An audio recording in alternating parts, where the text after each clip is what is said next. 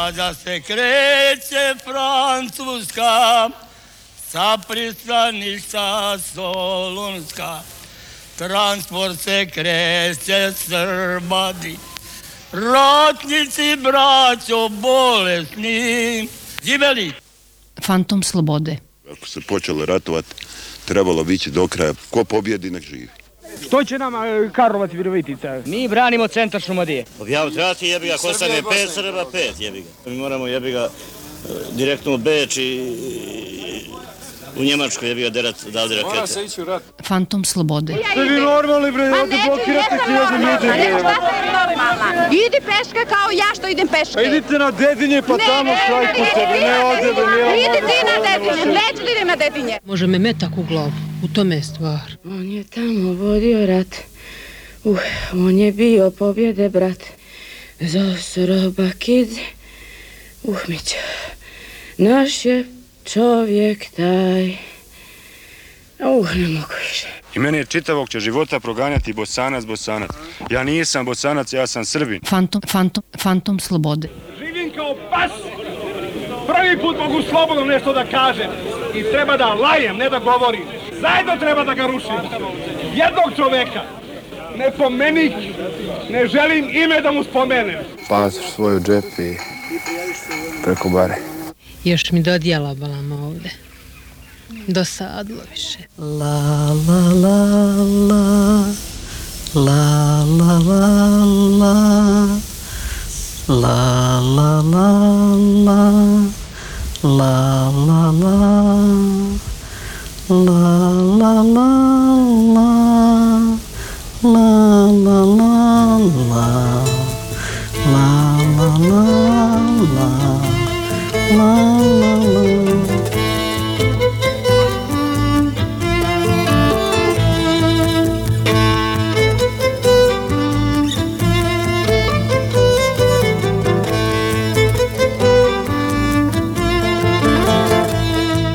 slobode. Dobar dan, 10 sati i 10 minuta, emisija Fantom slobode, radio difuznog preduzeća, radio B92.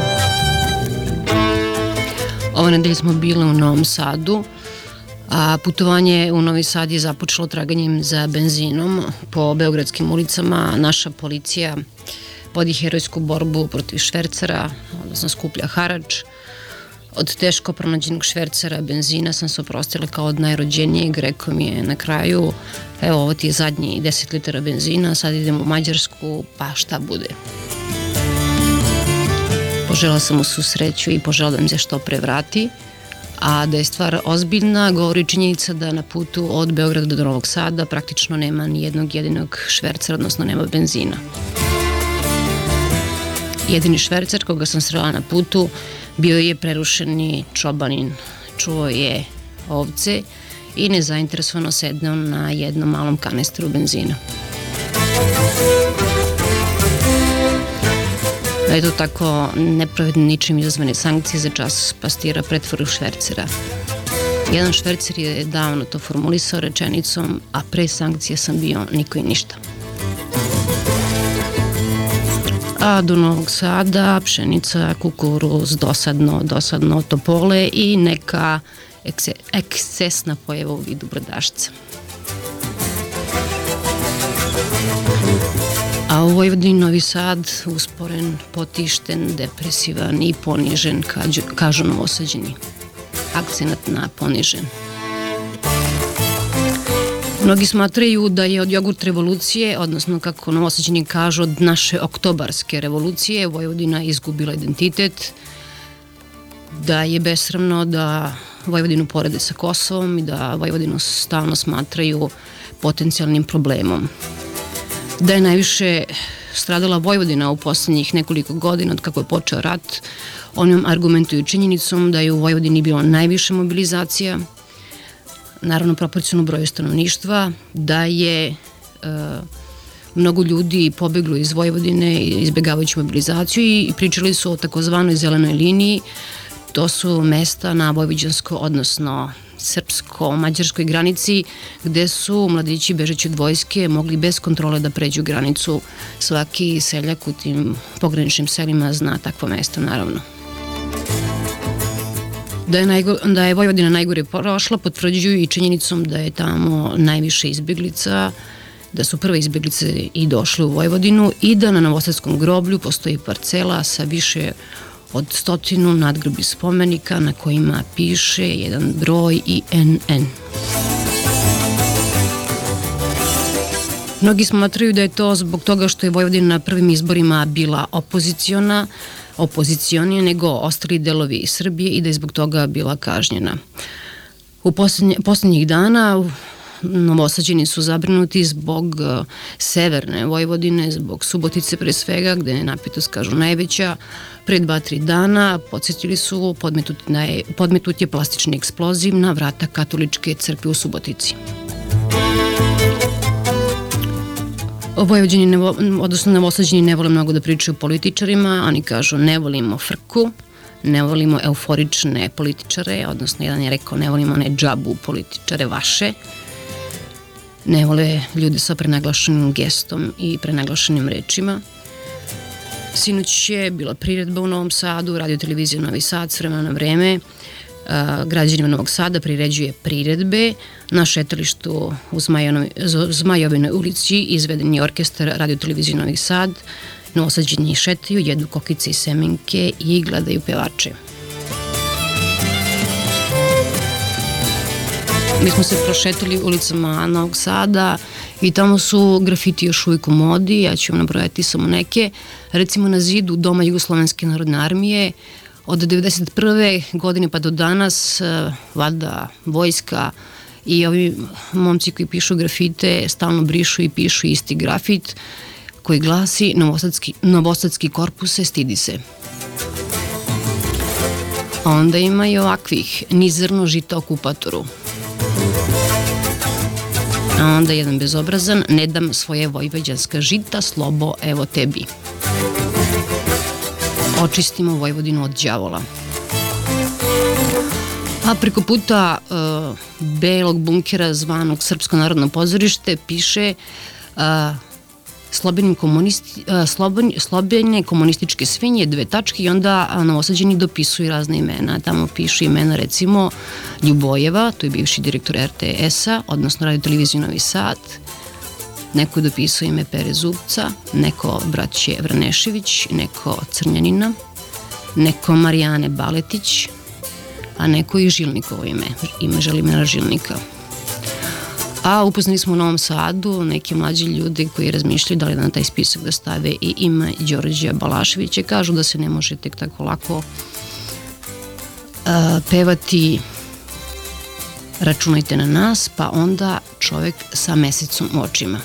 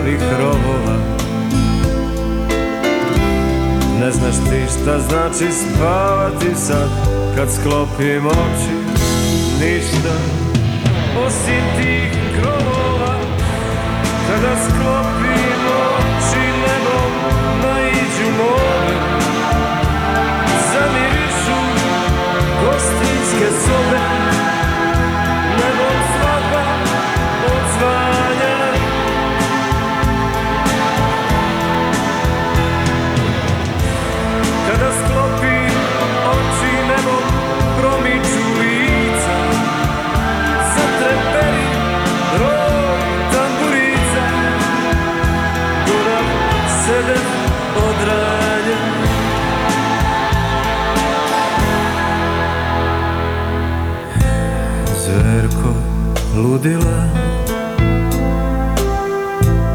Što si se probudila.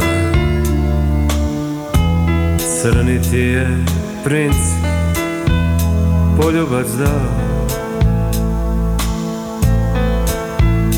Al neću se stideti Što Boga neću videti to i Bog kojeg sam znao.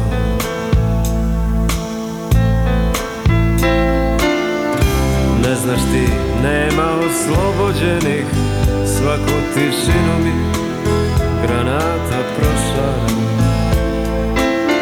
Spašen je taj prvi pogođeni A svi su drugi večni Taoci košmara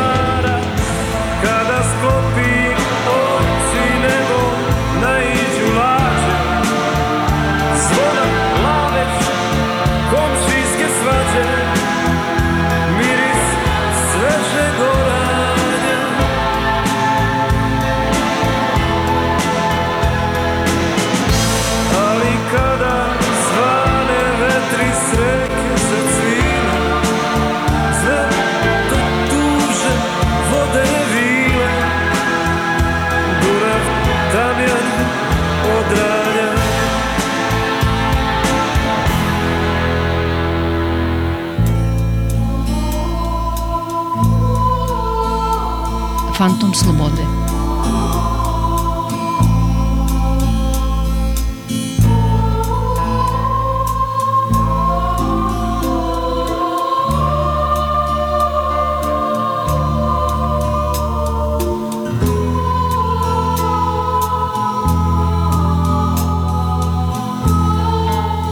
U Novi Sad smo stigli na dan zatvaranja praktično 39. starinog pozorja.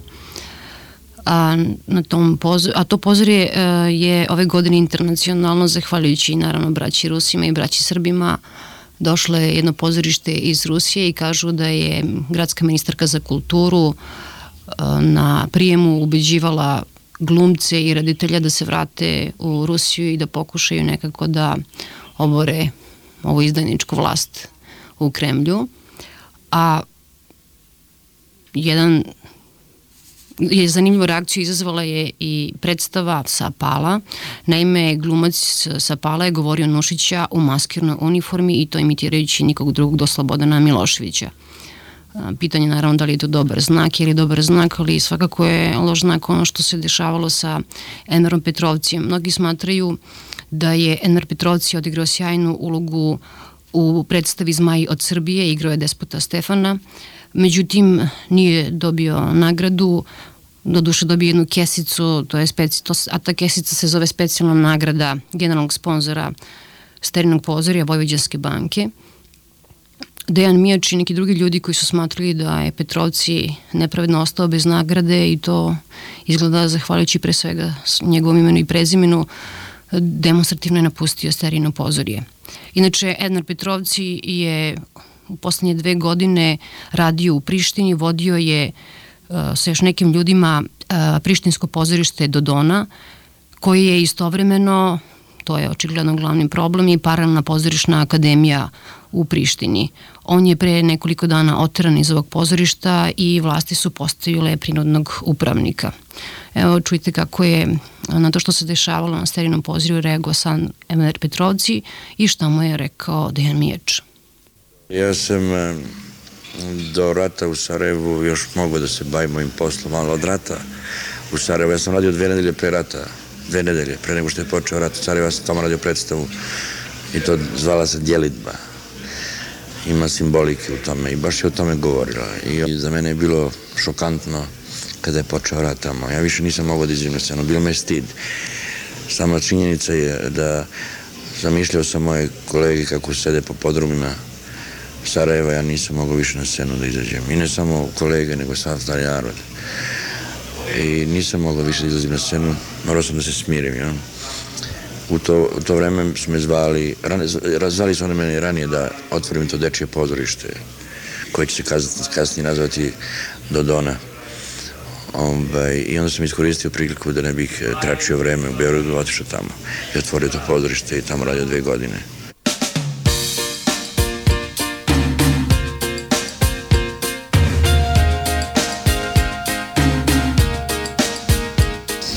Desilo se to što nikog ništa, za, ni, ni za šta nisam pitao, nego sam radio jer nemam koga da pitam.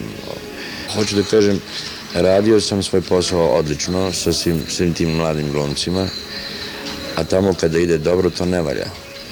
Zapravo može da ti ide dobro pod njihovom komandom, a ako radiš sam, pa ti ide dobro, to ne može. To već ne ide. Može da, može da radiš sam, ali da ti ide loše. Onda već može. A meni, meni je išlo dobro. To je sve sveže, ja nisam više u Prištini. Ovaj, šta će se dogoditi, ne znam, ali ja ne bih napadao tog čoveka, jer da nije on došao mi neko drugi. Ako ne drugi, treći. Ići će dotle dok se to ne rasturi. To je, to je, to je tradicija postala tamo. Da, tako da ne očekujem ništa dobro.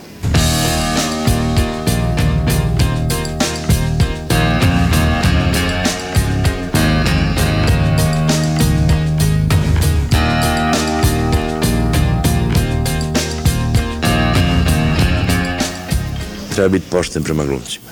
Ja sam, mislim, bio pošten prema glumcima, jer sam sam glumac. Nikad se nijedna svađa nije dogodila. Apsolutno nikad, nikad, nikad, nikad, nijednom. Išlo nam je sjajno. E, družili smo se u jednom malom bifeu. Kad sam ga pravio, jer sam ja to pozorište i pravio, gradio, zapravo adaptirao, ja sam, sa mojim idejama to pozorište, taj bife sam pravio kao bife atelja 212, gde si osuđen na druženje, nema separatizma, dakle nije bilo mesta gde se mogu čovjek sakriti i nešto tračiti. A, tamo ko je seo mora da se druži sa, sa, sa svima. Bio veliki sto i okolo stolice, kao u ateljevu. Osnivačka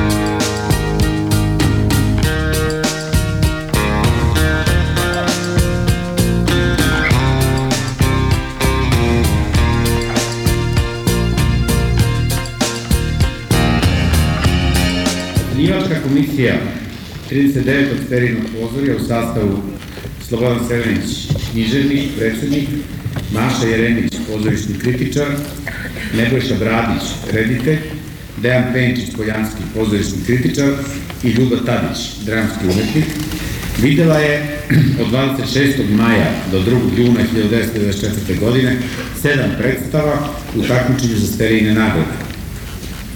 Na završnoj sednici održana 2. juna 1994.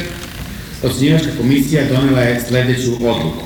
Ja sam igrao ne znajući da će se dogoditi to što se dogodilo. Naravno, ja igram kao i svi ostali, igramo normalno. A, ovaj, a to što se dogodilo nije prvi put da se događa, događa će se i dalje. Šta je lek protiv toga, ja ne znam. Ajde da, da, da čestitam. Hvala. Što se mene tiče, vi imate ste. Ja gledam svuči, kažu.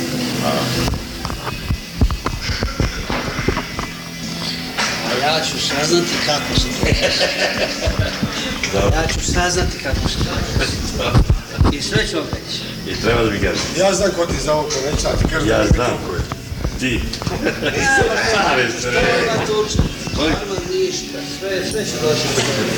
Da se sterina nagrada za glumačka ostvarenja dodeli Živku Vukojeviću, glumcu iz Niša, za ulogu prvog glumca u predstavi Zmajlog Srbije Miladina Ševarlića, u režiji Slavenka Salečovića i izveđu Narodnog pozorišta iz Niša. Odluka je doneta jednoglasno. Mene ne zanima nacija. To ove budale zanima nacija. Ja sam čovek glumac koji radi ulogu u, u, igram te okolnosti gde, e, gde taj vladar čini nešto. Pre svega, otkud mi znamo i taj pisac, kako je on, kako je on zaista govorio i kako je vladao. On je nešto napisao pod pretpostavkom i ja sam pod pretpostavkom na osnovu tih teksta, tog teksta radio ulogu. Ulogu sam napravio, ponosan sam na tu ulogu, vrlo je lepa uloga. Ja mislim da je to najbolja uloga u ovaj, ovog pozorija. To misle svi, a ne samo ja. Ja znam kad napravim lošu ulogu. Ja tačno znam. Ovo je uloga lepa. Dopada mi se i uloga Živka Vukovića, koja igra prvog glumca u istoj predstavi.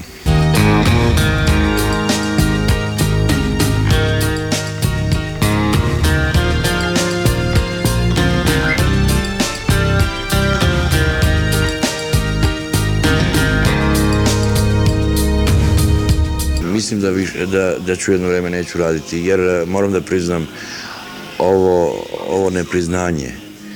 E, ja priznajem, e, možda sam još pod uticajem, e, razmislit ću da li ima smisla raditi danas i u ovom vremenu. Bar ne ovde. Mislim, pošto je sterija jugoslovenskog karaktera, bar ne u Jugoslaviji neću raditi.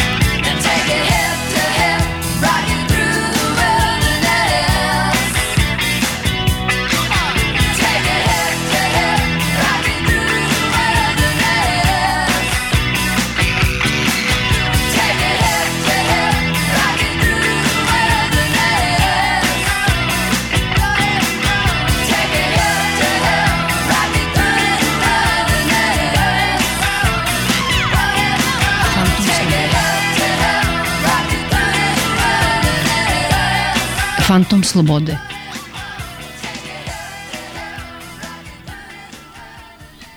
Izgleda da u radikalsko-socijalističkom Novom Sadu jedan albanac koji dobro igra despota Stefana Lazar, Lazarevića ne može da dobije sterinu nagradu.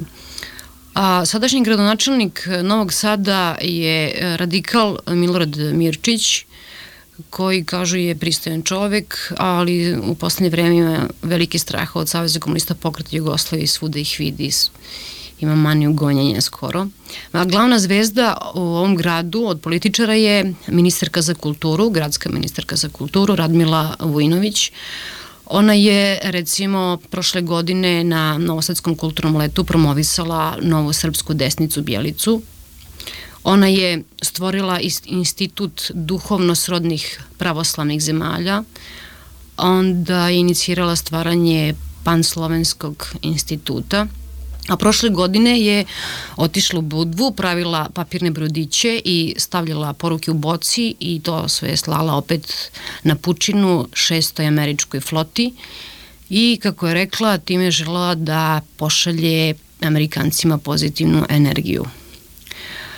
Za sada će Novi Sad slaviti 300 godina od svog postojanja, a međutim i gospođa ministarka ima primetbu, ona tvrdi da ima arheološke artefakte, kako rekla, koje su joj kazali, šapnuli da je Novi Sad mnogo, mnogo, mnogo stariji. Uh, međutim, ima jedan čovjek koji se zove dr. Đorđe Bašić, on je inače uh, profesor na univerzitetu, On je glavni čovek demokratske stranke za Vojvodinu, on je potpredsednik Skupštine Srbije i bivši gradonačelnik Novog Sada. Ljudi kažu da je za Novi Sad učinio mnogo u te dve, tri godine. A ovde Đorđe Bašić govori pre svega kao Vojvođarin. Ja se prezivam Bašić. Bašić. Sa jedno dugačko A. Ime mi je Đorđe.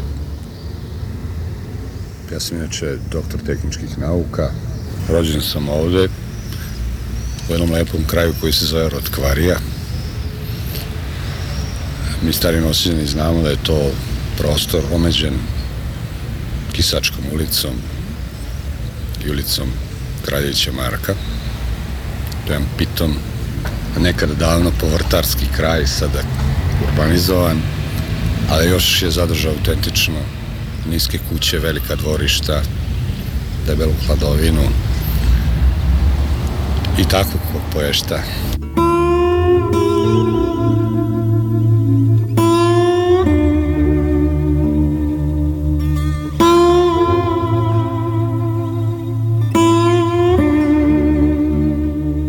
Oko 1694. godine na ovom prostoru zbog pustošenja i zbog neadekvatnih prostora za stanovanje nije bilo živih stanovnika.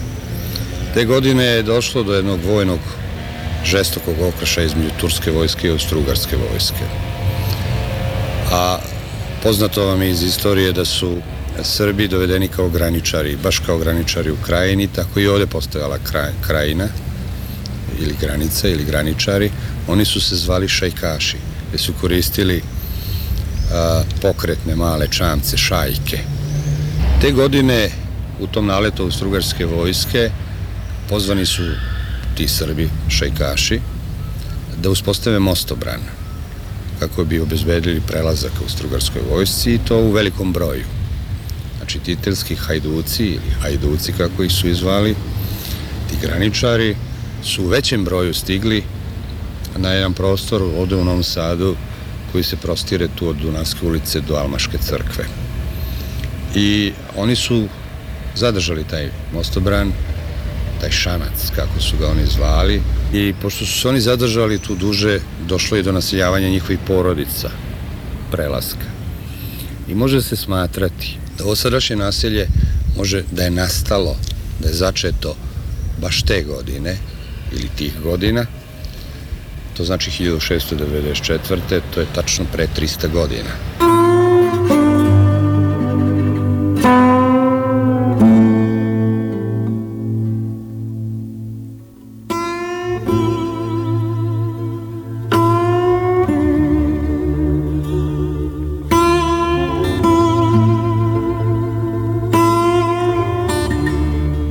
Se osjeća kiselina od jogurta i one takozvane revolucije koje su proglasili samozvanci a, jogurt revoluciju. Vi znate da je tada došlo do personalnih promena i došlo je do administrativnih promena u smislu uređenja Srbije.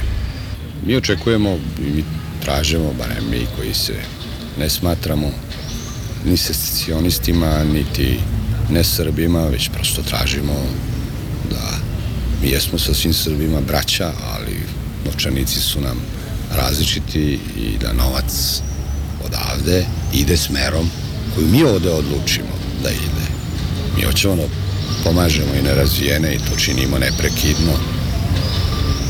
Mi hoćemo da pomažemo i naše sunarodnike u Republici Srpskoj i u Srpskoj krajini i to činimo neprekidno ali nećemo da dozvolimo da neko drugi određuje meru koliko ćemo mi to činiti i koliko mi to objektivno možemo.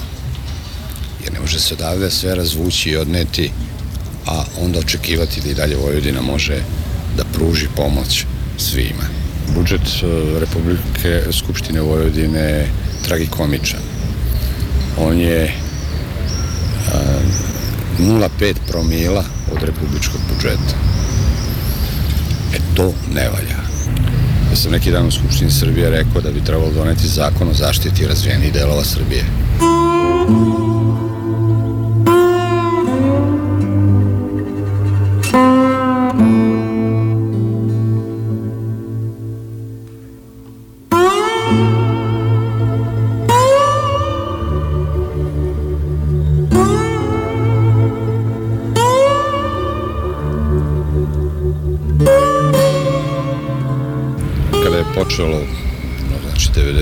Godine pa i u 92. godini je bila aktivna mobilizacija su uvažavanje odziva iz nekih drugih sredina iz Srbije, moram da kažem da je najviše mobilisano iz Vojvodine. To su fakta, činjenice. Najviše se insistiralo da se mobiliše iz Vojvodine, što je po meni prilično suludo s političkog stanovišta. Ipak je to bio nacionalni rat očekivati od ostalih ljudi da tako zdušno idu da ginu za nacionalni interes, pitanje je objektivno moralnosti. Ako Srbija nije bila u ratu, to je druga stvar da oni kao stanovnici Srbije su dužni da idu da brane Srbiju. Ali ako se radilo o nacionalnim interesima, zašto očekivati od jednog Slovaka ili jednog Mađara da ide da štiti srpske nacionalne interese. Ja to kažem kao Srbin.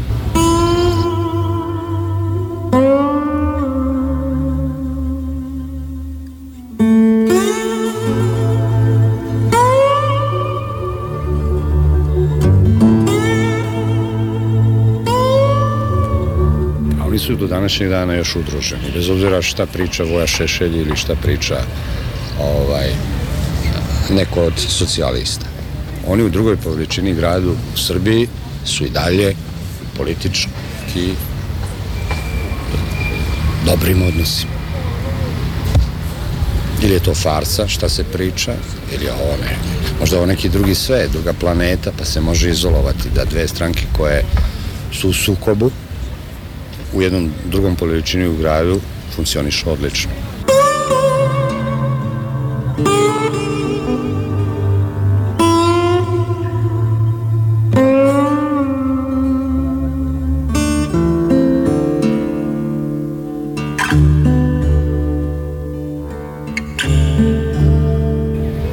primereno da ja odem sad odavde i da se nastanim par meseci u Valjevu i da budem predsednik recimo Valjevo, Skupštine Valjevo. Nije primereno, pa valjda to Valjevo ima svog stanovnika.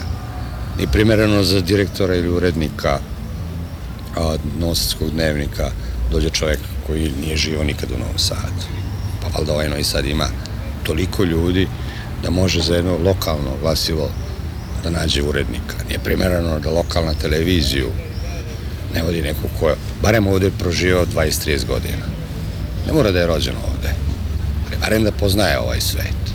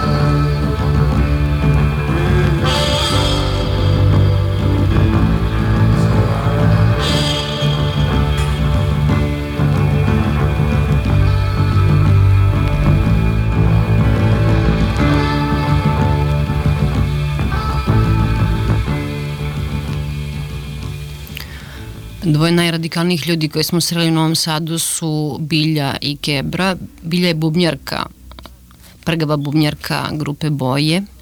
Oni su ove zime izdali treću ploču koja se zove Boje se ne boje.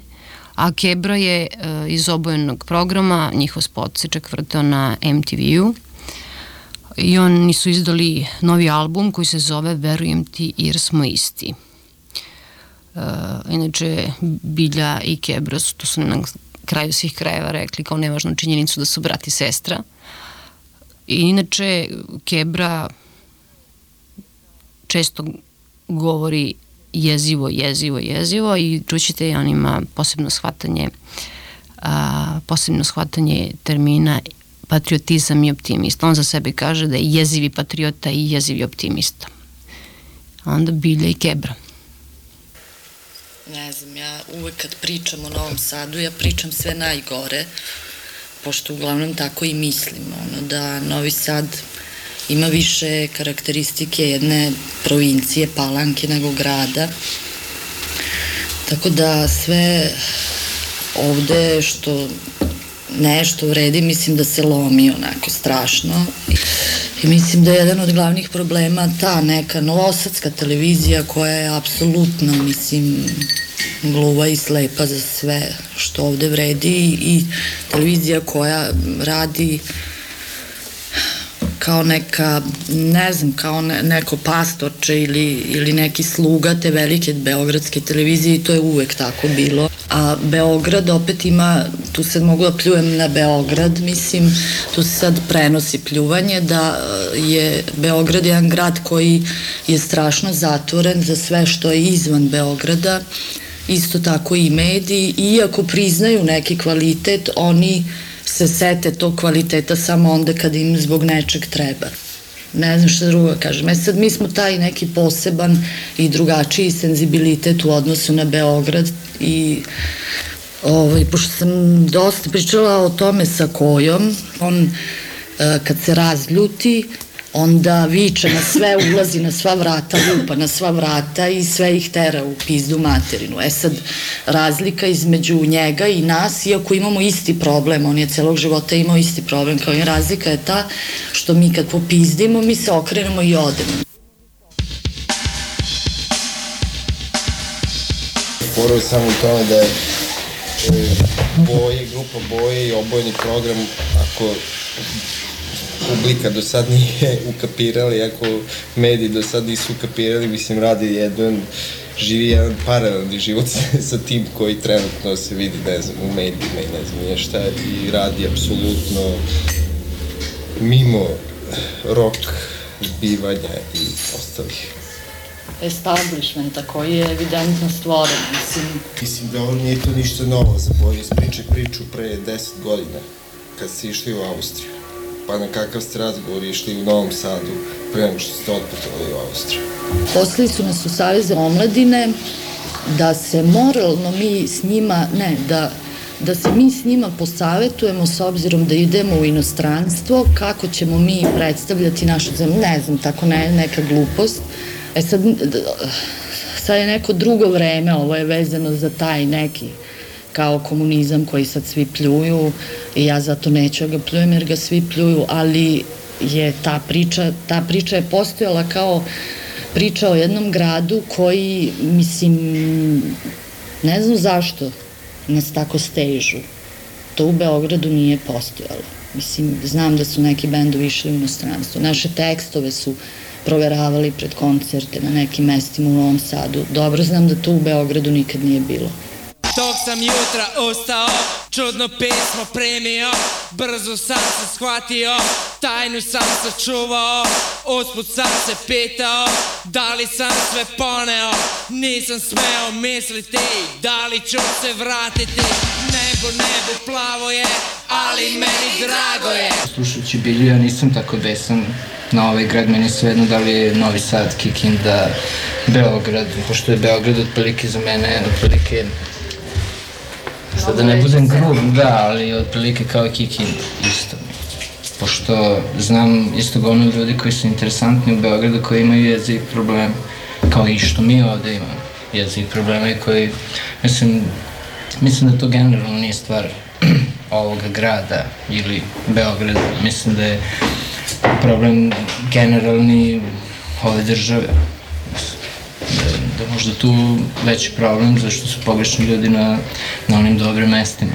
Ja ako bi ulazio svim srcem u to, mislim da bi se ono već jedno deset puta ubio zbog toga.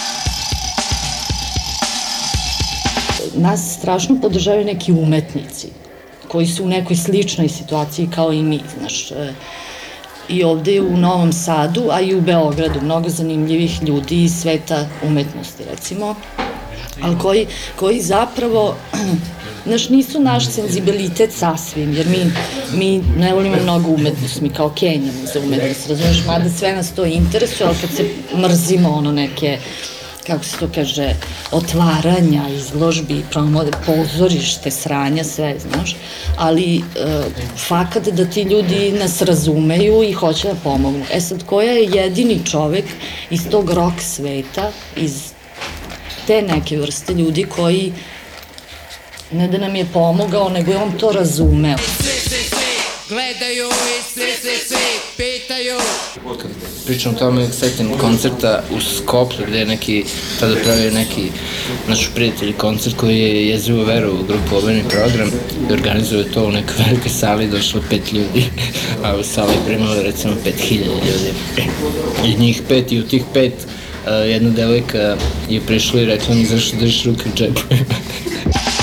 Kada sam tu došao, kada sam to shvatio Neki su me gnjavili, neki su se plašili. Uglavnom su se pitali zašto su nas pozvali. Počeli su brojati, počeli su plakati. Nebo, nebo plavo je, ali meni drago je. Srce moje crveno, samo kući voljeno Nikad nas ni onda nas nije interesovalo, niti nas sad interesovalo, interesuje se bavimo politikom i da rušimo neke vlasti, da razumeš, nas je interesovalo da radimo normalno ovo što radimo, mislim, jer nikad ja nisam osjećala da smo u nekom smislu opasni za njih, a, a ispadne, znaš, da je opasno, onda se ti usereš kao šta ja to radim kad je to tako opasno, mislim, nemaš uopšte predstavu da zašto bi ovaj, zašto on zna uopšte te bendove, zašto je nabrojao naše bendove, taj tip, mislim, šta to znači, razumeš, ja, samo me onako hvata nekad panika, ono, osjećam se nekad, Znaš, ono, neku frku osjećam. E sad, jednom smo se nešto zezali s Tišmom, smo pričali, pa smo zaključili da to i jeste. Mi jesmo provincija u odnosu na Beograd i od te takve frke i stege uh, smo još britki, oštri, znaš, i onda iz tih provincija dolaze možda mnogo bolji ljudi nego iz sredine gde lagodnije, mogu to, ne, nije lagodnije, nigde nije lako ako radiš nešto mnogo dobro, uvek je opasno, mislim, ali nema ovakvih stvari koje te u startu uh, strašno onemogućuju, znaš.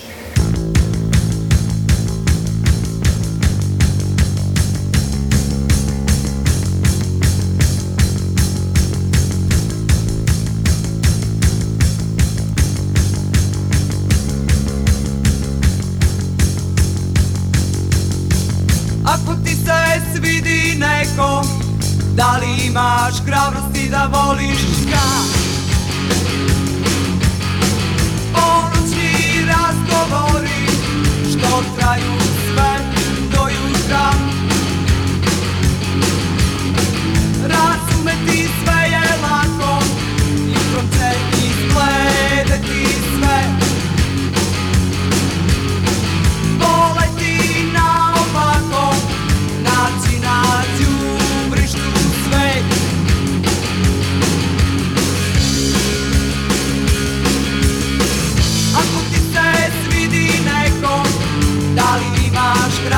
da voliš ga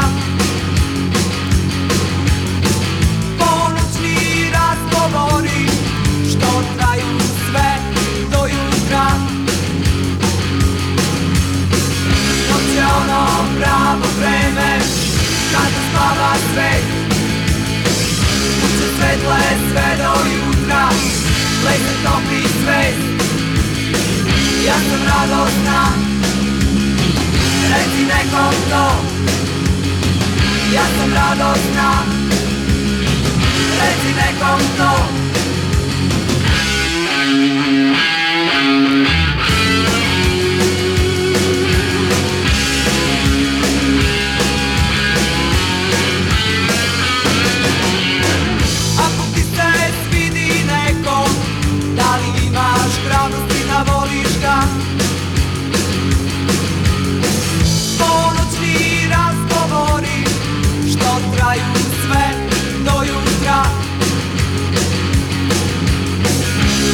radosna. Reci nekom to. Ja sam radosna. Reci nekom to. Je ono drugo vreme Kada živi svet Subica ple sve do jutra Leti topi svet Ja sam radosna. Reci nekom to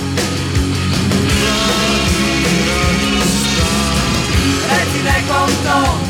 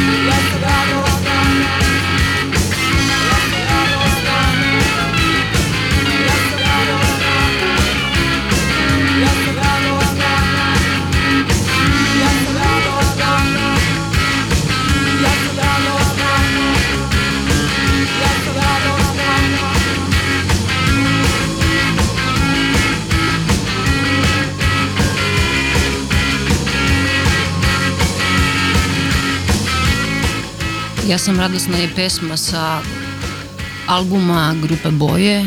Taj album se zove 78 i kako nam je Bilje Bubnjarka rekla, 78 je broj kilometara koji deli Novi Sad od Beograda.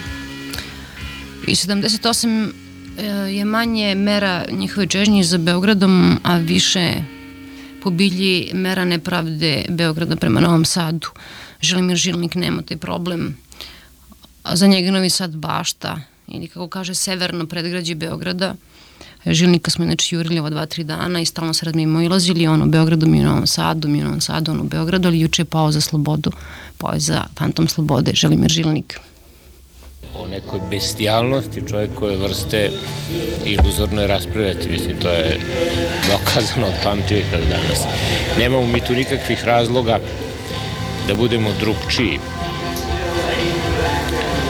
Znate, ima jedna druga stvar, ovaj, o čemu sam govorio na jednom skupu u Berlinu, kad su se Nemci počeli da iščuđavaju na tom istom takozvanom brutalnošću, on se rekao, čekajte ljudi, Nemci imaju najmanje razloga da ne razumeju balkanske i južnoslovenske narode. Mi smo imali tu nesreću da kroz e, iskustvo fašizma prolazimo kasno, a fašizam je očigledno jedno od evropskih iskustava koje je debelo pogodilo ne samo Nemačku, nego i naše susedne narode. Izvesna bahatost i narcisoidnost kod nas dolazi od toga što smo mi, južnoslovenska plemena iz oba svetska rata, izašli na izvestan način kao ne samo na pobedničkoj strani, nego kao izvesni, jel da, ratni dobitnici i profiteri. Tako da je za mene jedno od ovako najnečasnijih pa i najglupljih obrazloženja svih strana u jugoslovenskom kram, kramzivom raspadu, kao da je Jugoslavija tu gotovo nepostojeća tvorevina, a svi su se u sadašnjim granicama konstituisali faktički preko Jugoslavije. Jer to je ta glupost nas kao podanika da sledimo te lumpen elite u krvom ratu, a s druge strane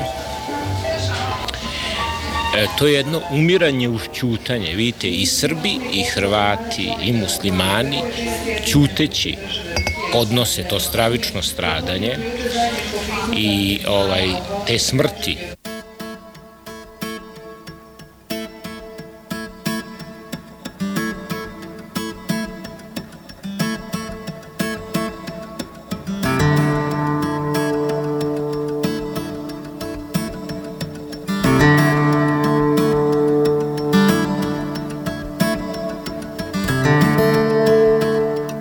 uradio sam više stvari ovaj, koje su u vezi sa ovim turbulencijama na našem prostoru. Naprimjer, možda jedan od najzanimljivih projekata je bio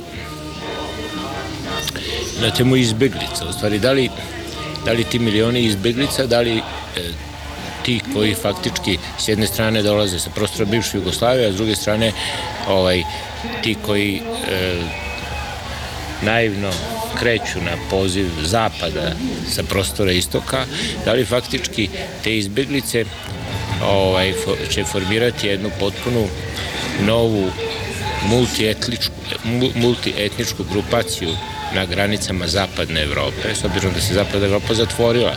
Tako da u stvari ja vidim tu neku energiju koja je veoma slična energiji koja je stvarala Ameriku 150 godina, negde oko 1000, ranije, negde oko 1850. godine. Vidite, 1850. godine u Evropi na izvestan način bila slična situacija. U stvari jednog uh, hvatanja za grla dva sistema. Ono, Francuska revolucija i Napoleon sa jedne strane i restauracija, gde, su, gde se desilo u nekoliko talasa jedna izmena modela koja, koja je u stvari po tim nekim globalnim zahvatima dosta slična sa ovim kapitalizam, komunizam koškanjima. I šta se desilo? Desilo se zapravo da su ljudi zahvaćeni ondašnjim ratovima i ondašnjim nepristajanjima na neko od tih strana, praktično nahrlili u Ameriku. I vidite, vi kad pogledate samo za deseta godina, od 1848. godine do 1860. u Americi se desilo stvaranje te države. S jedne strane je otvorena ona zapadna granica i došlo se do Pacifika, izgrađena je željeznica, a ujedno kao nusprodukt su pobijeni svi bizoni i indijanci. A vidite, toga te kreacije i te destrukcije ne bi bilo bez ove milionske mase praktično Poljaka, Čeha, Srba, Francuza, Nemaca, dakle tog naroda koji je bio stešnjen u makazama između revolucije i restauracije.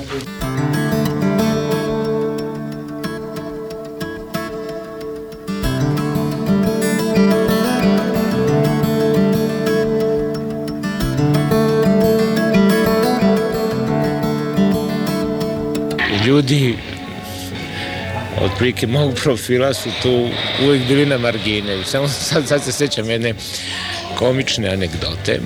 Ja sam 73. četvrte, pošto nisam mogao da dođem ni do kakvog posla, jer sam bio kao na listi prokaženih, otišao da radim u Nemačku i tamo sam proveo par godina, malo sam pravio dokumentaraca i pojavim se 77. godine baš nekako oko sterinog pozorja. Ovaj, a tu je hm, predsjednik sajta bio Josip Vidmar. I sad kako sam se ja pojavio, pozdravim se sa Mišom Hadžićem, koga sam ja još odavno znao, on je bio i direktor Narodnog pozorišta i ovako moj neki stari poznanik, i on mene predstavlja Vidmaru. I, kaže Miša, kaže evo, Živnik je sad bio jednog dana u Nemačkoj i tako dalje, pa se vratio, da, da se upoznate sa njim. Našta Vidmar odmah doda, kaže, pa mi naše najbolje kadrove smo uvek stipendirali. Kaže, jeste dobili saveznu ili republičku stipendiju, druže Žilnik?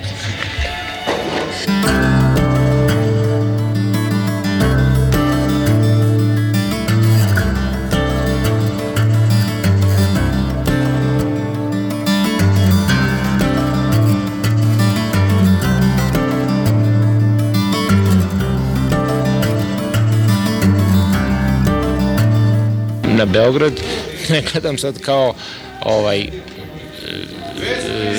na centar koji je ovaj e, suviše, ne znam, snažan i samosvestan. Meni se jedna druga stvar nameće sa zaprepašćenjem, koliko se Beograd azijatizira, koliko u ovo vreme, otkad se diči srpstvom i tradicijom, koliko sve više liči na Istanbul, sve više liči na Novi Pazar.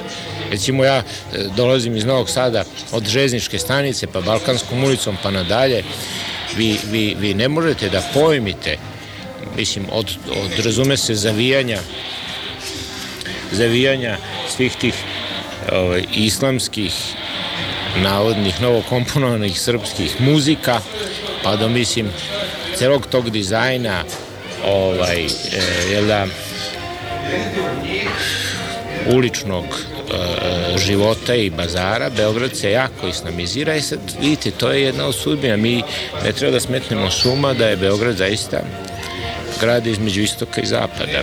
Ja imam utisak da je ta, da je u današnjoj lumpen eliti Beograda i Srbije pobedila ta islam, ta, ta ovaj, carigradska orijentacija u odnosu recimo na onu bečku orijentaciju koju je predstavljao ili tršćansku orijentaciju koju su predstavljali Vuk Karadžić i Dositej Obradović i tako da je pobedila je ova, kažem vam, istambulska struja i to se u priličnoj meri vidi. Thank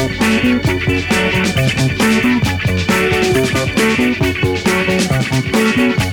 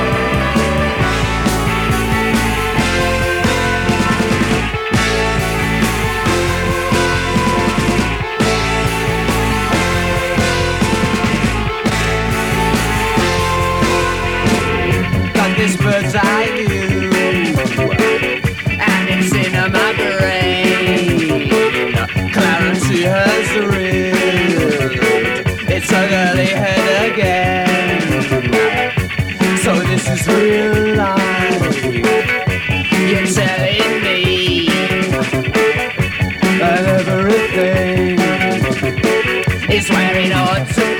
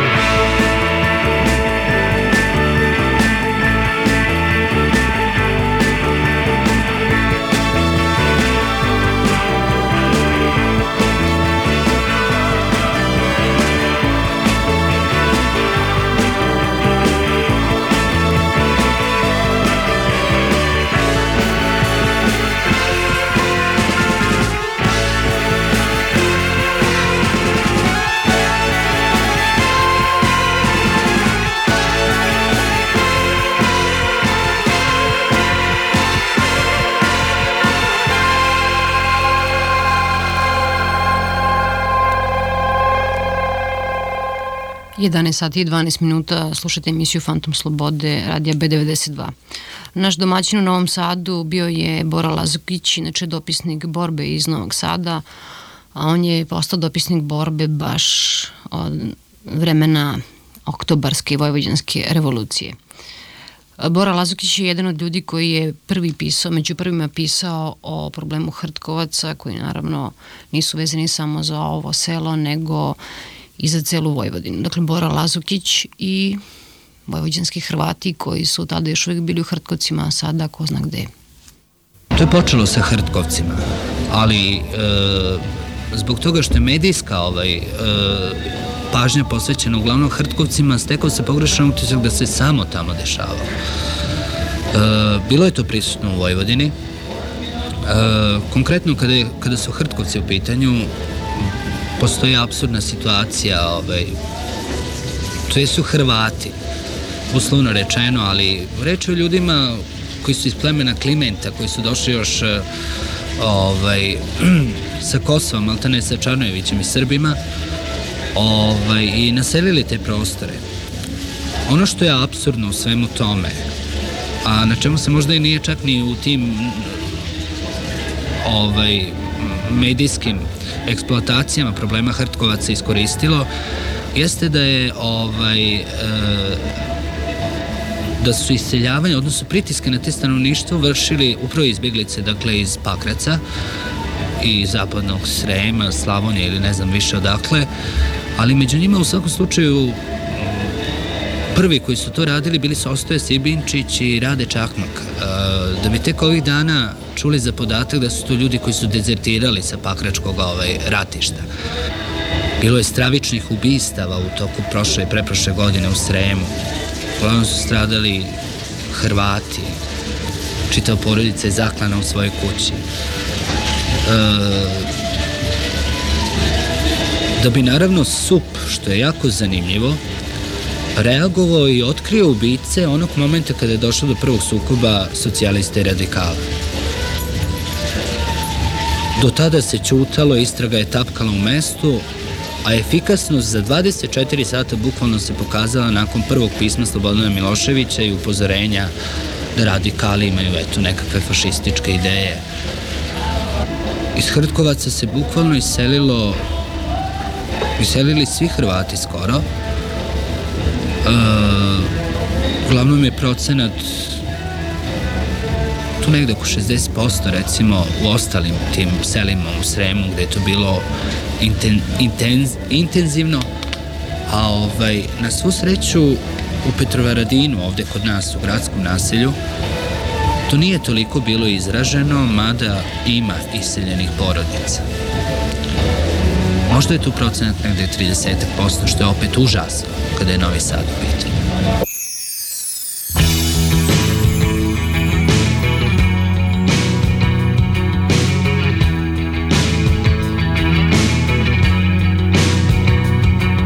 Za čega smo bili tamo u ratu?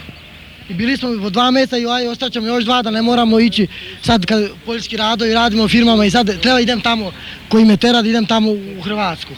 Za čega? Pa ja sam tamo sad ocrnjen što sam bio ovdje u ratištu. Ja sam bio lojan Srbiji, hteo sam da ostanem ovdje, poštujem zakon, firmi radim, dajem samo doprinos i sad idem tamo. Kakav sam ja sad čovek? Da, bude, da pravimo od usta guzicu, izvinjavam se kad moram tako kasno, moram kasno tako. Mislim, više, više, nema šta više kažem. Mislim da sam s ovim rekao sve. Mislim da sam rekao s ovim sve.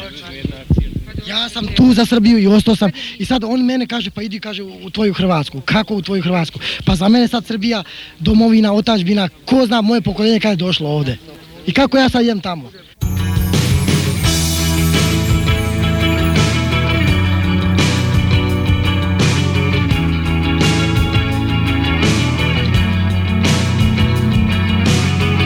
Sam dve kuće dao, razumete me, i treću mi uzeli i to nisu lepim načinom nego nasilu. Ne znam šta da kažem sad. Ako možete, pomognite mi, ako ne, kažete da idem, onda ja znam šta da radim, a ne da me pera tera ili neko drugi. A opet kažem, u Hrvatsku sigurno neću da idem. Niti sam bio tu, 23 godine sam tamo i sad, a nisam ja to jedini slučaj, jedini, možda jedini slučaj što je baš kod mene provaljeno. Ali ja mislim da je to bilo naštimano. Ja ne znam, da li da idem natrag ili još da čekam tu, ne znam. Šta da radim. Ali to je samo taj moj slučaj, a to je celo selo, ja mislim, je onako uzbuđeno. To možete prošetati i pitati njih. Najteže mi je, rekao, Đubre Mađarsko, oni su bili tamo. Kaže, isti su kod tvoji 25.000 Mađara što su otišli tamo. Pa šta sam ja kriv? Ja nisam biro ni oca, ni majku, niti državu, nikoga. Isto koji svaki drugi čovjek.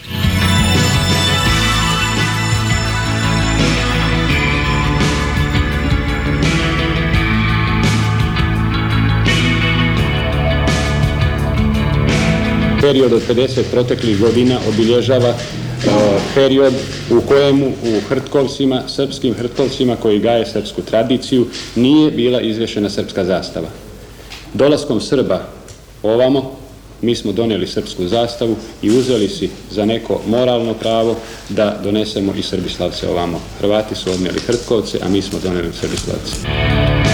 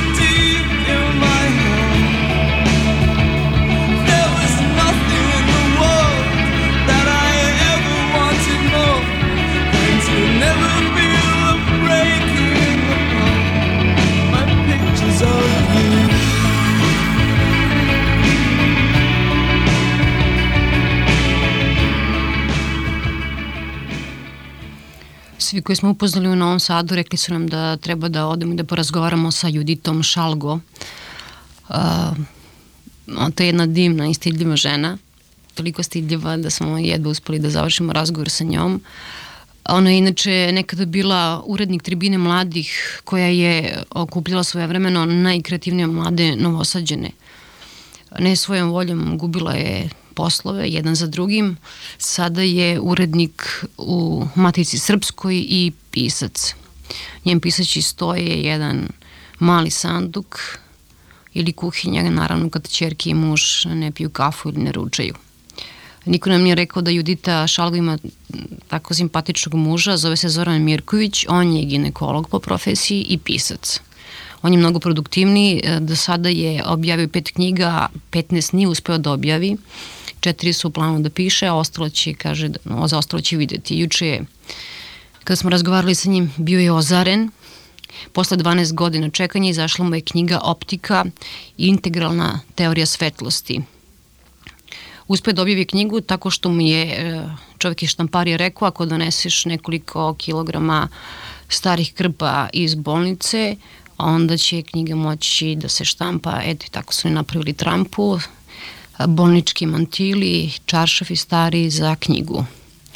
Inače, Judita Šalgo i Zoran Mirković živo u jednom malom stanu, praktično na jednom krevetu prekrivenom ćilimima, to je njihova radna soba, ima jedna stolica u toj sobi, rekli su mi da je to atelje njihove čerke koja je slikarka. I pre nego što čujete Juditu Šalgo i Zorana Mirkovića, evo samo jednog odlomka iz knjige Optika, Napravio sam cipele za vreme kada ne budem video. Dugačke su, pa mogu sa njima da pipam u pravcu kretanja, a okolo su praporci, pa pomoću zvuka mogu da odredim prepreke. Zoran Mirković. E, spadam među one ljude koji eto nešto pišu i mislim da je to dosta važno bez obzira na rezultat, odnosno na to e, kako će to izgledati kad jednog dana bude knjiga ili onom čunku kad bude knjiga. I ponekad se zaista mislim i pitam e, kako preživljavaju ljudi koji nemaju tu vrstu neke svoje igračke. Dakle, neku vrstu ovaj, stvarlačke obsesije ili stvaralačkog programa. Ovaj, to je jedno. Drugo, ovaj, preživljavam tako što ovaj, mada su naša deca već praktično odrasla 20 22-25 godina, ali eto još posao, e, e, de, deo roditeljskog posla nije obavljen. O, I dakle, treba decu ne izvesti na put, ali najverovatnije izvesti nekod napolje. Dakle, spadam među ljude kojima je verovatno, među one malobrojnije, e, kojima sasvim subjektivno ne mogu da kažem bez obzira, jer svima nam je užasno zbog, zbog svega što je oko nas i, i, i što znamo i čega smo svesni, ali mislim što se tiče nekakvog e, ličnog, privatnog života, ako je to moguće odvojiti, a ipak je nužno, tako reći, ovaj, ja ne bih mogla da se požalim, što je recimo paradoksalno.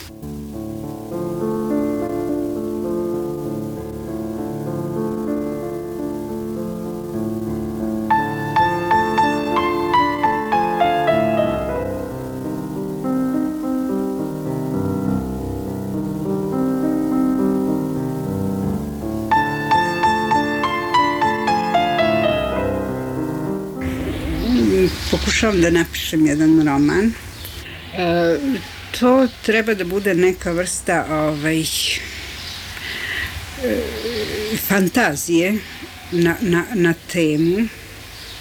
Ovo je sve vrlo loše što govorim. E, tragajući za materijalom o jevrejima posle rata ovde kod nas, naišla sam na jedan zanimljiv detalj koji se ne tiče Jugoslavije i naše sredine. Naime, naišla sam na neke podatke o nečemu što se zvalo Birobiđan. I dan danas se zove, ne znam, Birobiđan. Ne znam da li ste o tome čuli. Birobiđan je e, e, jevrijska autonomna oblast na dalekom istoku u Sovjetskom savezu, oko Habarovska, e, blizu tamo prema Japanu. To je jedna zgodna, zanimljiva i, i tragična storija o, o, o jednom od e, bezuspešnih pokušaja da se e, reši e, nacionalno životno pitanje jednog etnikuma. Slučajno je to u ovom slučaju ovaj, e, pitanje ovaj, e, jevreja. Mislim, to je mene interesovalo naravno zato što sam i, i sama jevrejka. E, naime, a, ne, ne mogu. Ovo je nevjerovatno. Šta? Ovo je za mene nevjerovatno. Šta?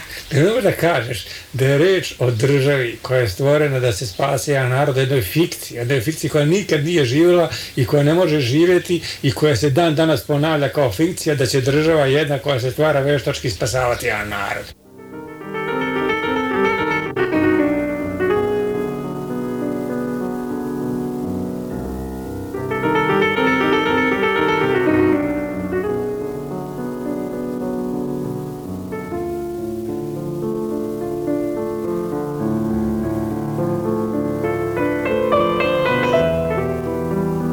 Plašim se da ću se upetljati, a da ništa neću reći. Jer priča je u stvari božanstvena. Ona ima taj svoj vrlo komplikovani tok. E, Birobiđan je kao i ceo Sovjetski savez prošao kroz sve moguće ovaj, traume, fiksije, čistke i tako dalje. On je nazivan jevrejskom državom, pritom jevreja jedva da je bilo, povremeno jeste i tako dalje.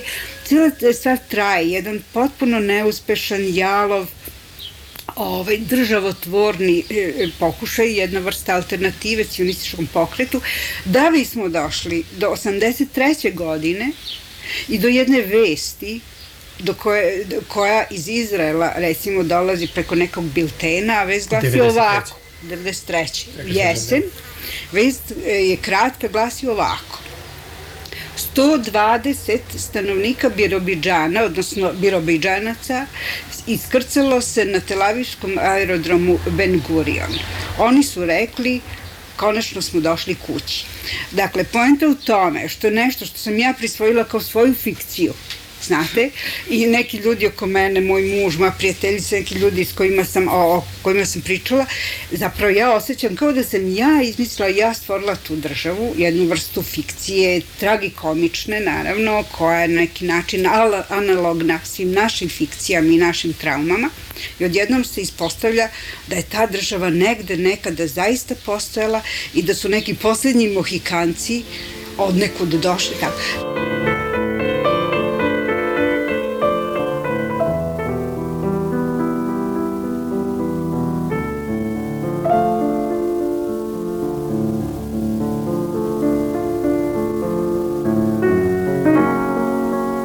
Malo pre ste pitali Juditu kako se u stvari preživljava. Preživljava se na dva načina. E, Ja, ona, ja preživljavam na više načina. To je stvar što kao prilagodljivosti. Od uvek sam bio prilagodljiv jer sam preživao jedan rat pa sam se snalazio i onom kao i u ovom. Bitno je ne preživjeti nego održati svoj integritet kao čoveka, ne preživjeti bilo kako, nego preživjeti kao čovek. Imam dve veoma korisne e, situacije koje mi to omogućavaju, dve prednosti zapravo, da sam lekar i da se računam da sam pisac, znate. Kao lekar imam pravo to da kažem što redko ko može danas da kaže u ovoj našoj zemlji, da imam pravo da ne mrzim. A ti to me u stvari sačuvalo da ne poludim ovoj situaciji. Ja imam pravo da kažem da ću lečiti Tuđmanovu i Izebegovićevu ženu i čerku sa istom to prilednošću kako ću lečiti i čerku Slobodana Miloševića. I da ja njih ne mrzim i da ih ne smem mrzeti i to me potpuno opušta.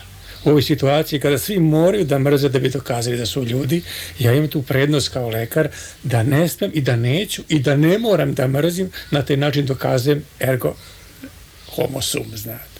S druge strane, e, kao i Judita, ja pišem, i evo danas baš imam tu sreću situaciju da mi je ta izašla optika koja posle 12 godina muka, znate, i trčanja po redakcije, ubeđivanja, e, i izašao baš ovo najteže vreme. Onda kad je bilo lako, znate, onda je svima bilo lako, pa su svi bili tamo pre mene, znate.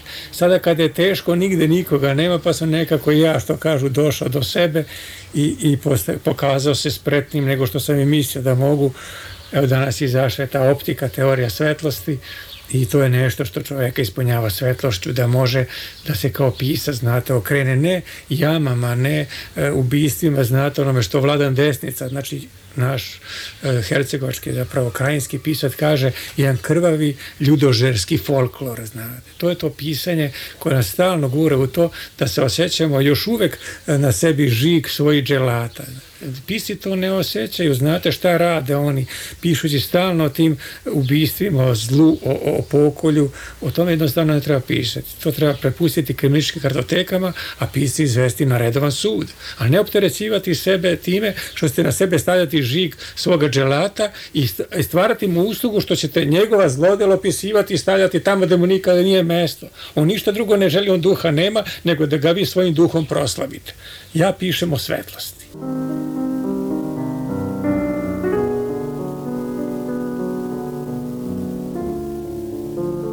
kad bi htio da govori kao, kao profesor, znate, ja bih rekao svetlosti imamo nekoliko vrsta. Znači, imamo dve vrste svetlosti. Jedna svetlost koja osvetljava e, realni svet, a ima jedna svetlost koja osvetljava duboki unutrašnji svet i to je knjiga koju sam ja napisao to je optika o, o svetlu koja označava unutrašnji svet. Znate, to nije nova tema, to je, ako uopšte postoji nešto što povezuje filozofiju kroz vekove, to je e, ideja o unutrašnje svetlosti. Znate.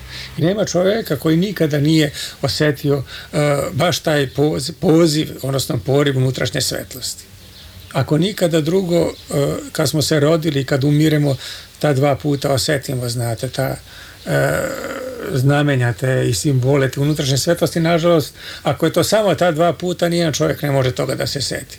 Smrti iz određenih razloga, a rođenja iz ko zna kojih razloga postoji jedna divna metafora, znate, koju je Sol Bellow citirao, da čovjek je zapamtio najlepše susrede sa anđelom u toku svog intrauterinog života, ali ga je anđeo na rođenju preko usti udario krilom tako da je zamuko i više ne može da kare, znate. Međutim, izgleda da je mene anđeo delimično promašio, znate, tako da taj udarac ovaj, je skrenuo na neku drugu stranu i nije me udario preko ustiju kao što se iz priložnog da videti, tako da otprilike mi se čini da mogu da svedočimo to u svom osjećaju unutrašnje svetlosti. Kod nas su o tome pisali, znate, samo kod nas, recimo inspirativno duboko, Laza Kostić o osnovama lepote u svetu, Janica Savić Rebac, znate a čitava istorija metafizike, o tome bi sad mogu da držim predavanja, neću, počiva baš na tome. I znate, to je knjiga mog života, tako reći, obsesija i ona baš sada u najtrednom trutku da izađe i baš da vi danas dođete kad je ta knjiga objavljena i da se zovete Svetlana, znate, i da ste Lukić od Lux je daleko od slučajnosti, zapravo slučajnosti ne postoje.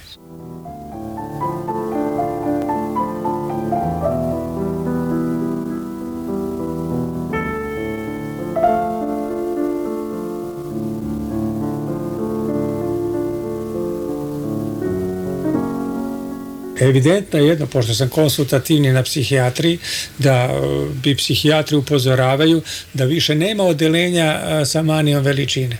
Nema više voždova na klinikama, nema bogova, nema kraljeva, znate.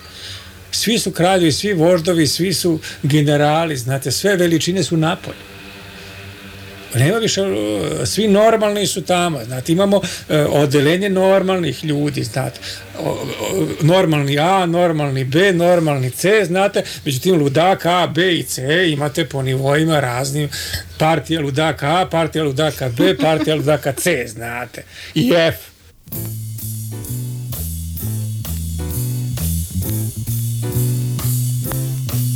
Well, it's a marvelous night for a moon dance with the stars up above in your eyes.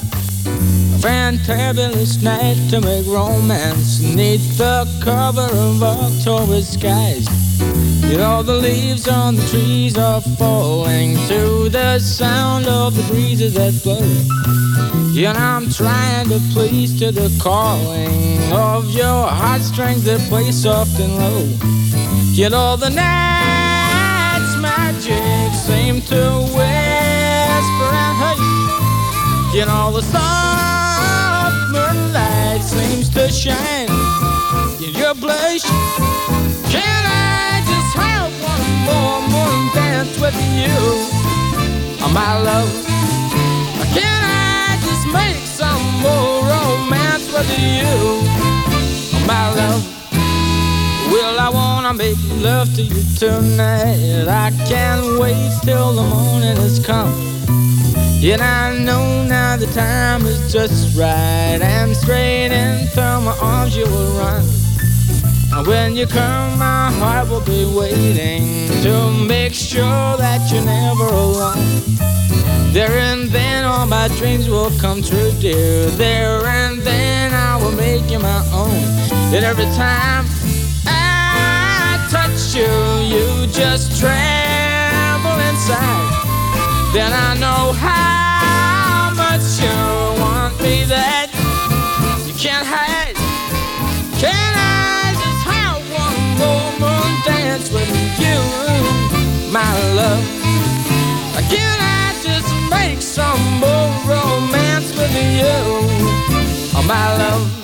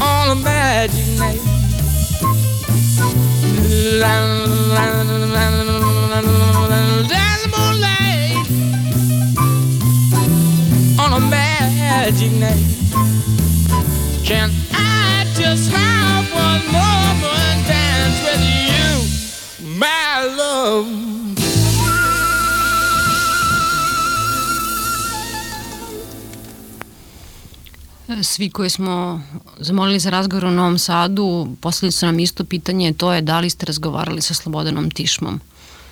A Slobodan Tišma je, ne znam ko je mozak Novog Sada, ali je Slobodan Tišma liči na dušu Novog Sada. On trenutno živi od toga što sa mamom pravi i prodaje makrobiotička peciva, A, inače, ranije je 70. godina bio u grupi mladih konceptualista u, u Novom Sadu. Oni su razjureni još pre crnotalasovaca. U to vreme jedino ih je Želimir Žilnik podržavao. Doduše na neki način ih je podržavao principijelno. Dobrica Ćosić, saćete s tog vremena kada je bio formiran odbor za zaštitu ljudskih prava i sloboda. Međutim, Dobrica Ćosić nikako nije mogao da im zapamti imena, te nije mogao da stane u njihovu odbranu. Konceptualisti su osnovali tada u Novom Sadu jednu komunu, živjeli su u Teslinoj ulici, broj 18, a od bivših članova te grupe najpoznatiji su Vlada Kopicl i Boško i Brajla, koji su osnovali porodicu Bistrih potoka. Slobodan Tišma ima najboljeg prijatelja, on se zove Miroslav Mandić i, jedan, on je jedan od onih koji su živjeli u toj komuni. Miroslava Mandića znate po njegovom projektu Ruži lutanjem hode Evropu. Inače, Slobodan Tišma je zakleti torovac, odnosno sledbenik Henrya Davida Tora, naročito njegove izrike ne pomerajte kamenje. Slobodan Tišma.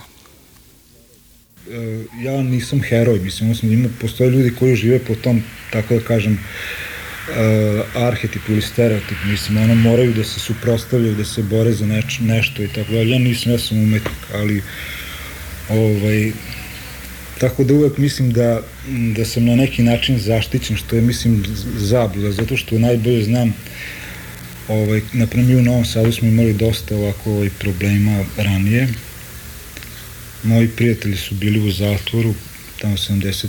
druge godine nije bilo sjajno, mislim, bilo je dosta teško i, i preživao sam i strahove i svašta. Miroslav Mandić i Slavko Bogdanović su bili, Miroslav bio, Miroslav Mandića znate, verovatno, on je ovaj čovjek koji hode, ruže lutanje. Mislim, on mi je najbolji prijatelj ovako, stvarno. Ono. I mi smo se bavili a, takozvanom konceptualnom umetnošću, to je u stvari ovaj, postoji neka nova formulacija, novosadski tekstualizam, tako, mislim sad, to je. Oni su radili neke tekstove, Miroslav je pisao neki tekst o filmu Sutjeska i onda je kao zbog to je kao nešto bilo, ne znam kako je bilo u zakonu formisno, kao vređanje visokih državnih funkcionera, šta je Tito je uvredio. Bio je zato ovaj, 9 meseci, a Slavko je bio 8 meseci u zatvoru zbog jedne pesme, to je objavljeno onom studentu ovaj, underground sa američkom zastavom. Jali Caćin je bio i sadašnji vrli a, šta je on, direktor televizije ili da, Milor Vučeli su. Oni su bili urednici ovog studenta u to vreme i Slavko je neku pesmu Tribina Underground Novi Sad je objavio, pa su posle ovih tu pronašli neke stvari, navodno neke, to su bile užasne stvari, na primjer ljudi su, optužen je bio spominje se siva kuća na uglu, oni kažu da, to, ta siva kuća na uglu je na primjer CK. na,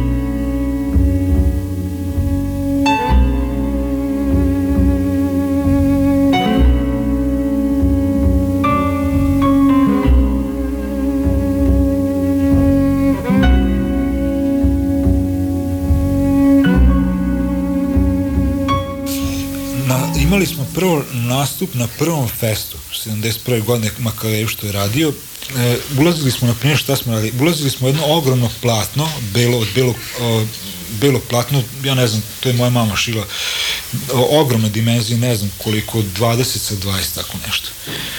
Ulaz, uđemo, na primjer, nas petero, šestero i raširamo se u domu sindikata za vreme projekcije, raširamo se po celom onom holu ulazu, u stvari, u salu sad publika izlazi, na primjer to je jedna akcija bila i tu nastaje jedna nova situacija, oni sad vide jedan nov ambijent, mislim jedan prostor izmenjen, znaju da nikad su ušli, to nije bilo tu neobično, ne znaju šta je za obilaze, neki počinju da se provlače ispod, vide da tu stvari nekog unutra ima i šta, mislim to je a, a, a, a, bilo na granici između happeninga, fluksusa i takvi stvari.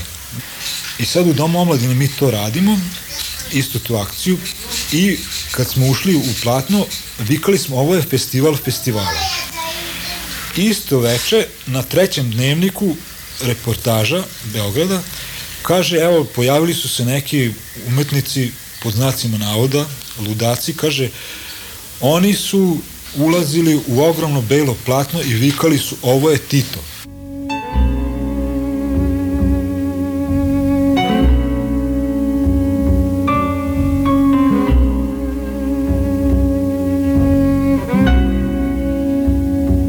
se dogodio u Novom Sadu jedan težak zločin, mislim, ovaj, ubijena su dva milicionera bila jedne noći, to je bilo 76 ili 7. godine. E, pošto smo mi imali tu, to se dogodilo u blizini naše te gradske komune u, u Tesnoj ulici, Boško je u to vreme još tamo živeo. Mi smo već napustili. E, I oni su izgleda odmah sumnjali da, da to ima veze sa nama. Pošto su računali, pošto u to vreme je bilo, to je bilo vreme crvenih brigada i ovaj, terorizma, E sad oni su mislili ovako, pošto su nas ono kao stucali, mislim, kao umetnike i tako dalje, razbucali se, razjurili nas, onda su mislili logično, oni sad verovatno idu, mislim, ono, tajno, konspirativno, što da ne, i terorizam, to je sledeći korak. Ovi su bili u zatvoru i mi smo bili pod, e, pod stravičnom, ovaj, mislim, a, kod Boška su upali noću, ovaj, pretres je bio izvršen, mislim, ovaj, Miroslava su zvali na saslušavanje, ovaj, a, kod mog, moj otac inače bio predsjednik suda, ali bio u penziji već u to vreme. Jedan dan su došla dva policajca, što mislim to je šok bio, i tražili su, moj otac imao neki pištolj iz rata što mu je ostao kao trofej.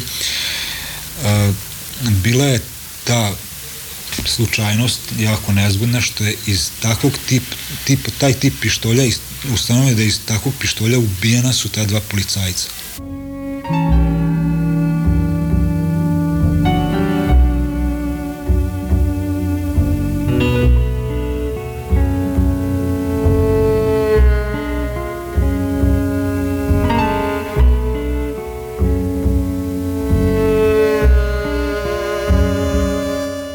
Čitav svet i univerzum je jedna fabrika gro, groze. Eto, to je, mislim, najjednostavnije rečeno. Užasa i ovaj, kada, kada vidiš tu hiperprodukciju, znači samo se proizvodi, sve nastaje, nastaje puno svega, svega, svega. Mislim, ono, čovjek onda ima jednog trenutka potrebu da napravi neki prostor malo da, da se povuče, da se skloni, da jednostavno vidi da to i a, a, ta a, mene je iskreno govoreći ta, koli, ta količina u stvari. E, ja sam se na primjer kad sam trebao da objavim prve knjige video sam da se objavljuju na primjer na godišnje na stotine i hiljade tih sveščica poezije i kad sam pomislio da ja sad treba isto to da objavim ja sam jednostavno mislio sam odlučio sam da to ne radim u toj količini e, mnoge stvari se gube i tako dalje. Najbolje stvari, ne, ne, mislim, to je zabluda, ljudi obično kažu ono što je najbolje, to će opstati, to mora da opstane, to će isplivati, izaći će. Nije tačno. Iz, a, e, prosjek opstaje, mislim, iz, a, a, ispliva ono što je najprosečnije, mislim, to je, ili možda eventualno nešto iznad proseka. A najbolje to ne, mislim, to apsolutno propada, mislim, to je sigurno.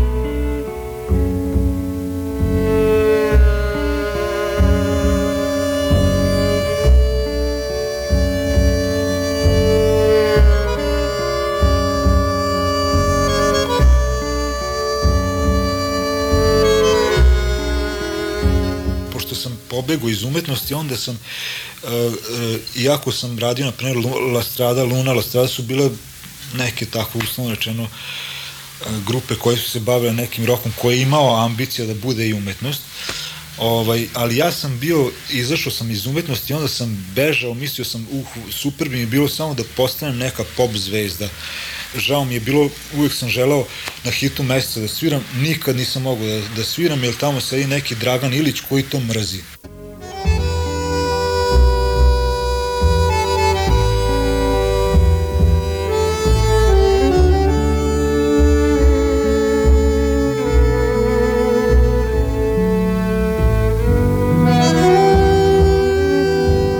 sve što je Goran Bregović, to ja nisam, mislim.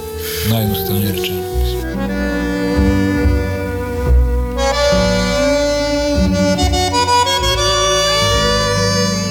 Ja imam 48 godina, ja u životu nisam bio u radnom odnosu, nisam bio nikad zaposlen nigde, mislim, ni, nisam, uh, nisam bio, nik, nisam pripadao nigde, mislim, apsolutno.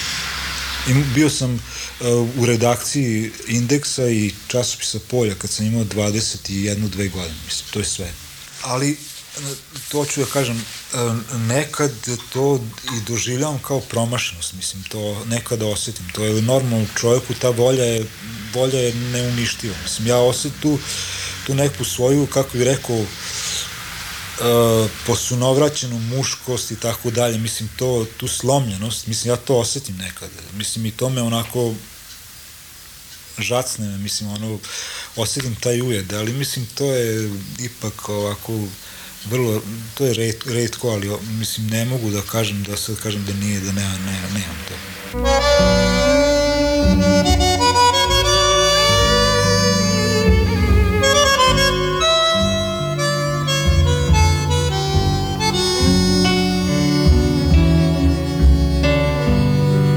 da li posle Auschwitza može da se piše književnost? Mislim, to se, postavlja, to se pitanje postavilo, to je jedno od fundamentalnih pitanja evropskih, mislim, svetskih. Da li može da se piše književnost posle Auschwitza? Da li može kod nas da se, da se stvara, da se pravi rock and roll posle svega ovog što se dogodilo? Mislim. Jedno samo pitanje postoji poslednje, da li postoji Bog? Mislim, to je, to je poslednje pitanje. Toliki ljudi su izginuli. Mislim, to se ne može ničim se ne može to opravdati, ne može se ničim iskupiti, jedino ako postoji Bog. Mislim, znači, ako postoji Bog koji će koji će uh, uh, postoji Bog, znači bit će dan strašnog suda, svi koji su počinili zlo, zločine odgovaraće, svi koji su poginuli ustaće, bit će podignuti ponovo oživljeni, vraćeni onda možda u tom slučaju, znači ako postoji Bog, možemo da se bavimo rock and možemo da pišemo književnost, ako ne postoji, mislim, sve je, ono, tu nema uopšte ovaj, nikakvog opravdanja i nikakvog smisla, mislim, nema utehe, strava, mislim, onda je strava, mislim, sve je strava, mislim, ja samo to. Bilo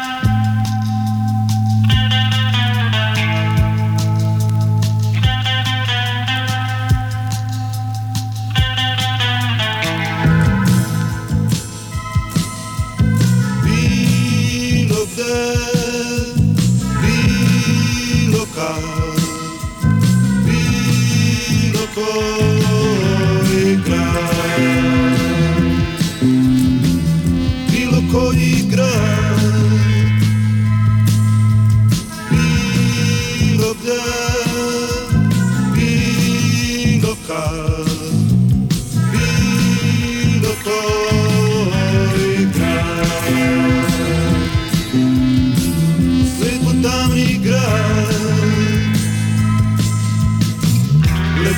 Shake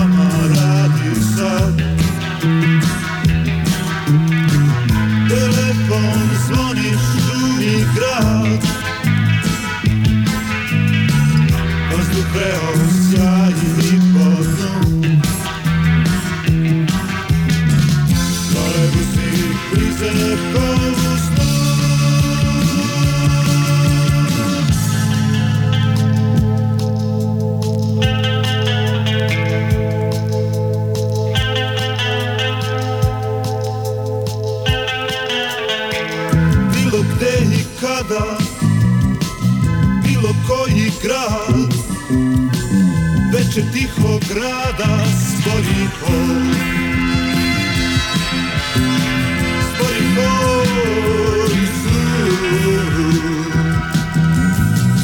bilo gde i kada bilo koji grad. Veče tihog grada lati hod Lati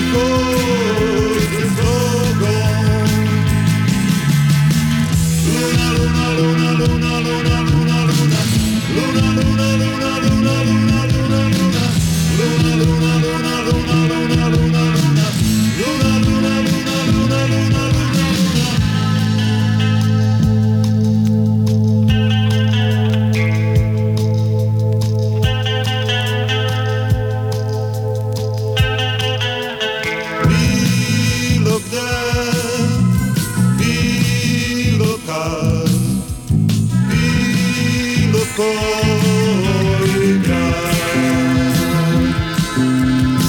Svetlo tamni grad, Ljudje reče mama radi sad. Telefon zvoni, šumi grad, Vazduh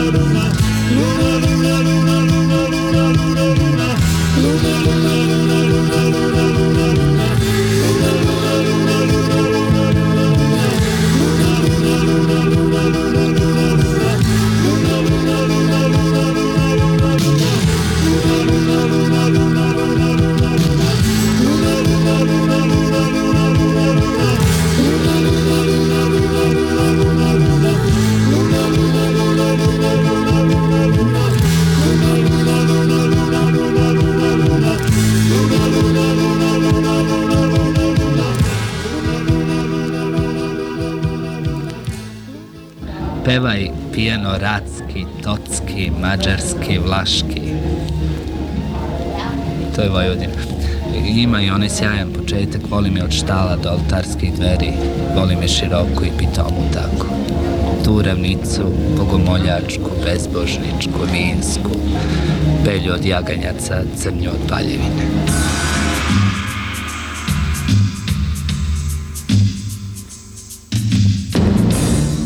Priča i san pod jastucima.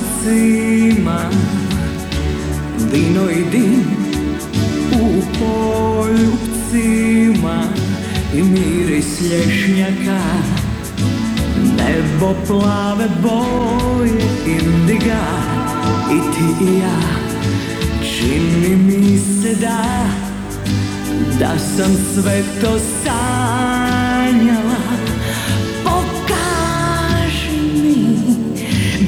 Dunav ljubi nebo O zašto smo Sada toliko daleko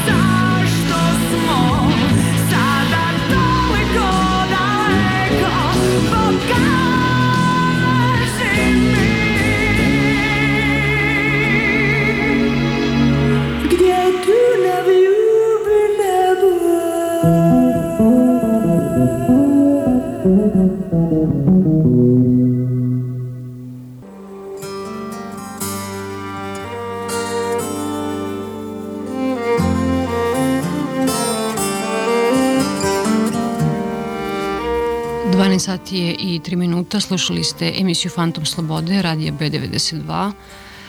Ton Uroš Bobić, muziku je birao Petar Jenjatović, a u Novom Sadu bila Svetlana Vuković i Svetlana Lukić. Hvala vam što ste nas slušali. Prijetno.